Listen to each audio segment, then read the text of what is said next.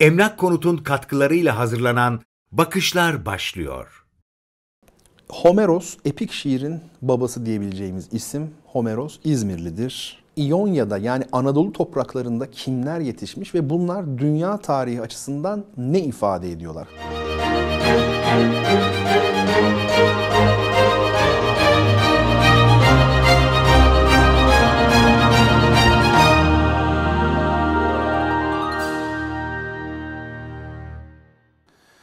Efendim bakışlardan hepinize selamlar. Hepinizi hürmet ve muhabbetle selamlıyorum efendim. Ee, yeni bir bölümde yine birlikteyiz. Bu bölümde sizlerle Anadolu üzerine biraz e, konuşmak istiyorum.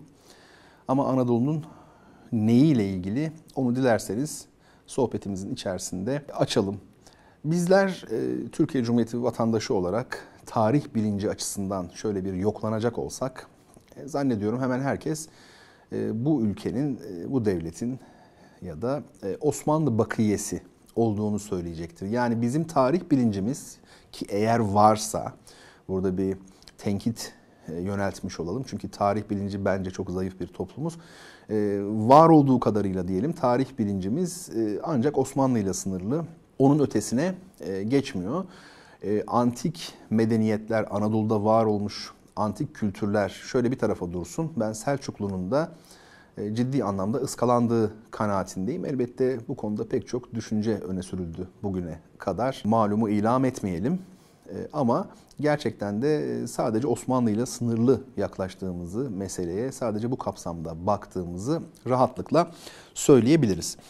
E, şimdi bizim bakiyesi olduğumuzu söylediğimiz e, Osmanlı yani ecdadımız dediğimiz e, Osmanlı kendinden başka kültürlere, medeniyetlere nasıl yaklaşıyordu acaba? E, pek bizim gibi yaklaştığı söylenemez. Osmanlı söz konusu olduğunda çok daha e, cihangir ya da kozmopolit diyelim çok daha kozmopolit bir bakış açısıyla karşılaşıyoruz. Osmanlı elde ettiği, ele geçirdiği, fethettiği e, her türlü ülkeyle barışıktı. Ee, bu ülkelerin kültürlerine mesafeli değildi. Ee, onları bir süre sonra bu kadar sıcak yaklaştığı için kendine ait kılabiliyordu. Yani kendinin organik bir parçası haline e, getirebiliyordu. Ciddi anlamda içselleştirebiliyordu. Bu belki de imparatorluğun o kadar uzun süre ayakta kalmasının da anahtar noktalarından bir tanesidir. E, mesela Türkiye'de sıklıkla tartışılan bir şey işte İstanbul'a Konstantinopolis denmesin tartışması. Ancak bildiğimiz üzere yine sıklıkla dile getirilmiştir bu da. E, İstanbul'un adı Osmanlı döneminde çok çok geniş dönemlerde e, Konstantiniye kısa şekilde söyleyelim. Konstantiniye'ydi. Yani Osmanlı egemenlerinin, Osmanlı hakim tabakasının, hanedanının e, bu şehri kuran Konstantin'le, İmparator Konstantin'le herhangi bir sorunları yoktu. Bu noktada bir kompleksleri de yoktu. E, ve bu şekilde e, adlandırıyorlardı. Oysa biz bugün o noktada değiliz. Zaten aramızda çok büyük bir fark var bu konuda. Tabii Osmanlı İmparatorluğu bir cihan imparatorluğuydu. Bu noktada gücü en üst seviyedeydi. Ve Osmanlı'nın açıkçası herhangi bir kompleks duymasına da gerek yoktu o büyüklükte bir medeniyet, o büyüklükte bir e, devlet ve ülke düşünün. Elbette e, hiçbir şekilde korkmadan gördüğü her farklı medeniyeti, her farklı kültürü, her farklı geleneği ve birikimi içselleştiren, önce tabii yabancı bakmayan, buna yabancı bakmayan, kendisinin bir parçası gibi gören içselleştiren bir düşünce. Yine İstanbul'un fethi kutlamaları da böyledir. Mesela Osmanlı tarihi boyunca biz belli bir döneme kadar yani o da yine 20. yüzyılın başları. Yani imparatorluğun tamamen tarih sahnesinden e, silindiği son 20 yılı düşünelim. Belki daha da kısa bir zaman 10 yılı. E, o döneme kadar herhangi bir şekilde İstanbul'un e, fethi e, gibi bir kutlama e, alışkanlığı, adeti, geleneği görmüyoruz. E, çünkü Osmanlı için İstanbul gerçekten kendisine aitti. Dolayısıyla kendine ait olan bir yer için belki de kutlama yapmak hiçbir zaman akıllarına gelmemişti. Dediğim gibi bu meseleyi biraz doğal karşılamak lazım. Çünkü günümüz Türkiye'si ile zamanının Osmanlı İmparatorluğu arasında çok büyük e, farklar var. yine o koşullar insanlarda belli bir e, bilinç, belli bir zihinsel eğilim elbette meydana getiriyor. Bunu yargılamak için değil ama meseleyi ortaya koymak için söylemeliyiz.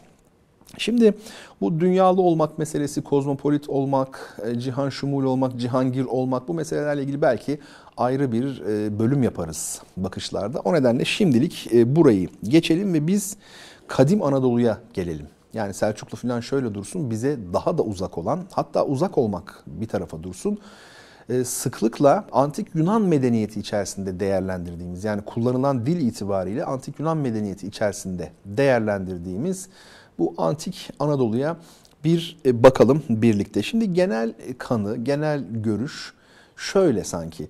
Troya Savaşı ile birlikte, o dönemle birlikte yani milattan önce 13. yüzyıl, 12. yüzyıl civarı e, Yunan anakarasından Anadolu'ya, bu topraklara bazı insanlar geldiler. Troya'yı kuşattılar, ele geçirdiler ve ilerleyen 400-500 yıl boyunca Anadolu'yu, özellikle Batı Anadolu'yu başlangıçta kolonileştirdiler.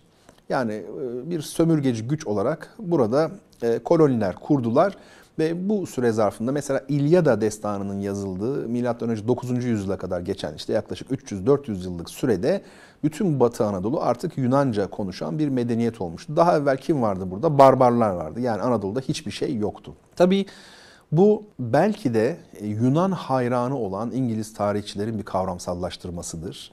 Bunun üzerinde pek çok yayın da yapılmıştır akademik olarak. Benim konum o değil şimdi. Ama şunu ifade edelim. E, meselenin aslı böyle değil.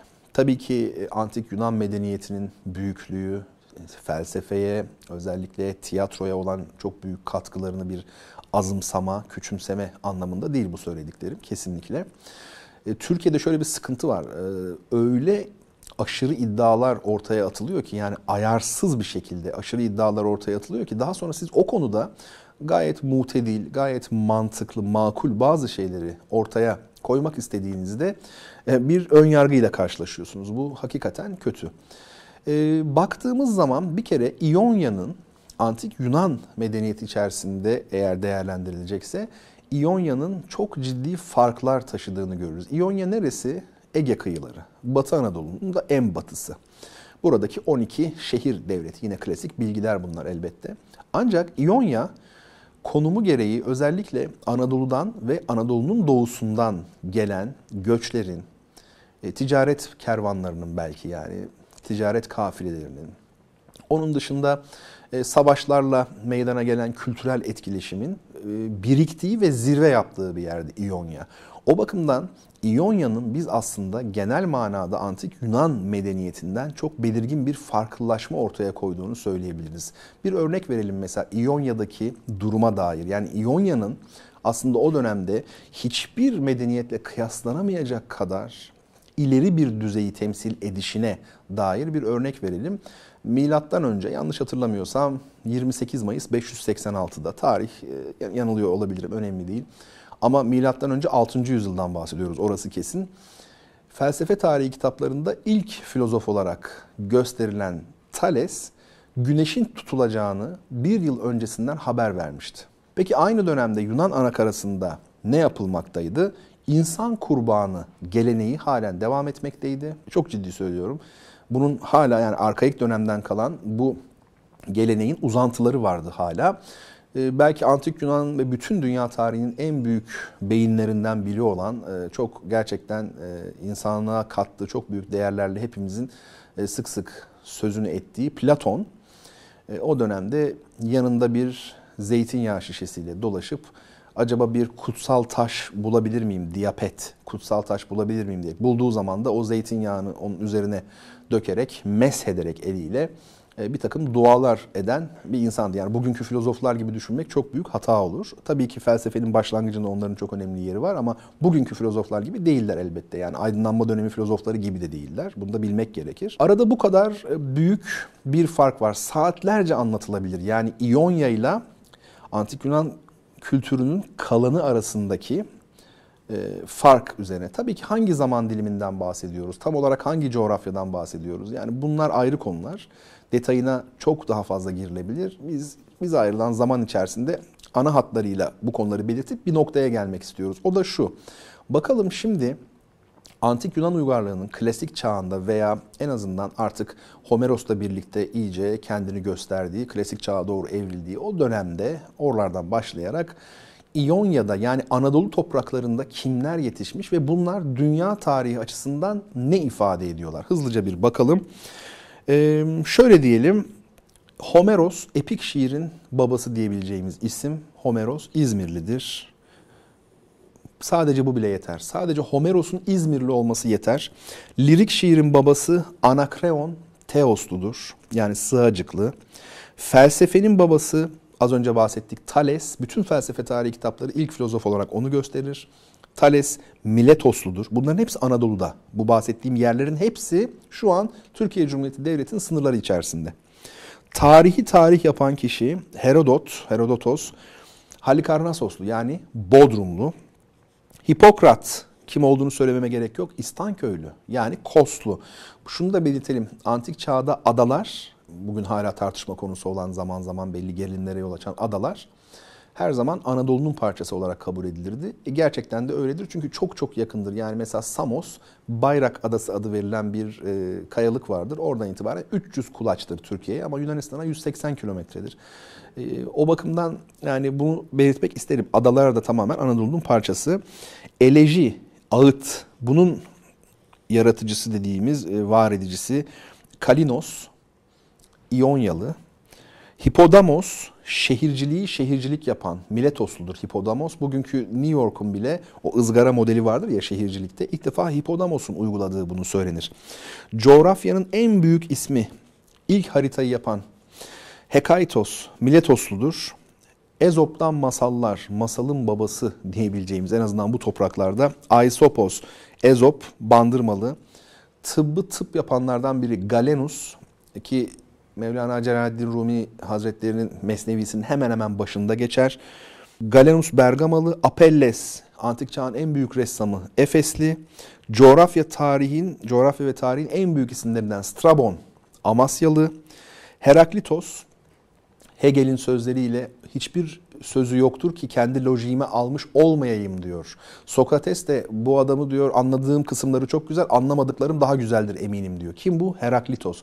Heraklitos Efesliydi. Tarihin en büyük filozoflarından biri. Xenofon Efesli ve Pitagoras az önce sözünü ettiğim gibi Sisamlı yani Samos adasından. Bunların da adlarını aslında İstanköy, Sisam demek lazım. Türkçe kullanmak gerekir bizdeki haliyle.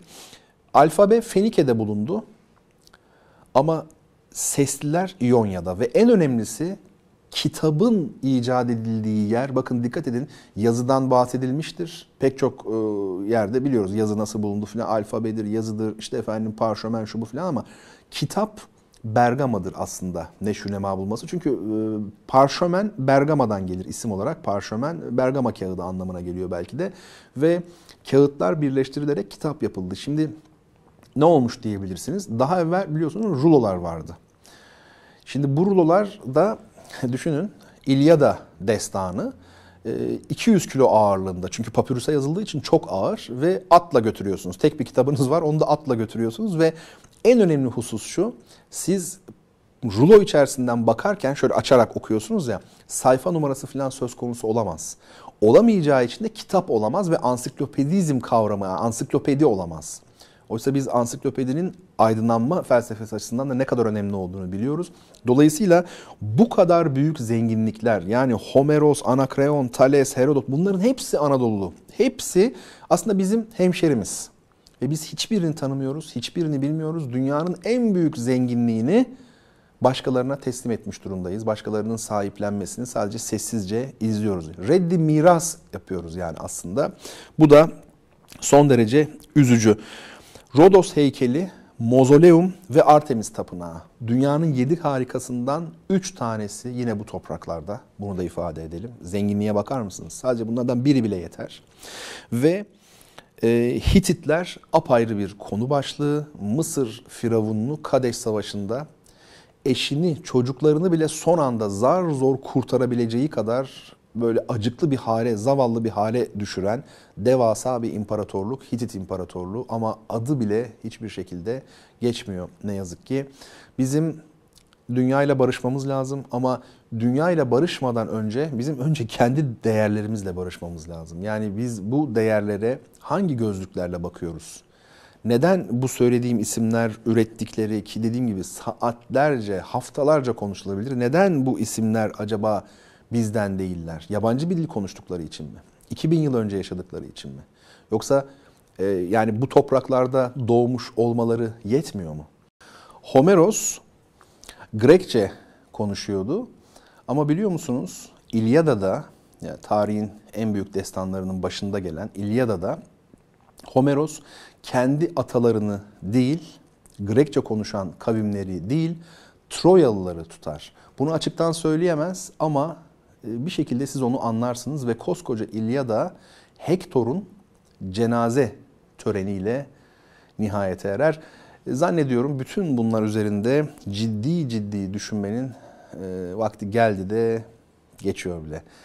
Efendim bir bakışlar programının daha sonuna geldik. Haftaya aynı gün ve aynı saatte sizlerle birlikte olabilmeyi ümit ediyorum. O vakte dek Allah'a emanet olun. Hoşçakalın.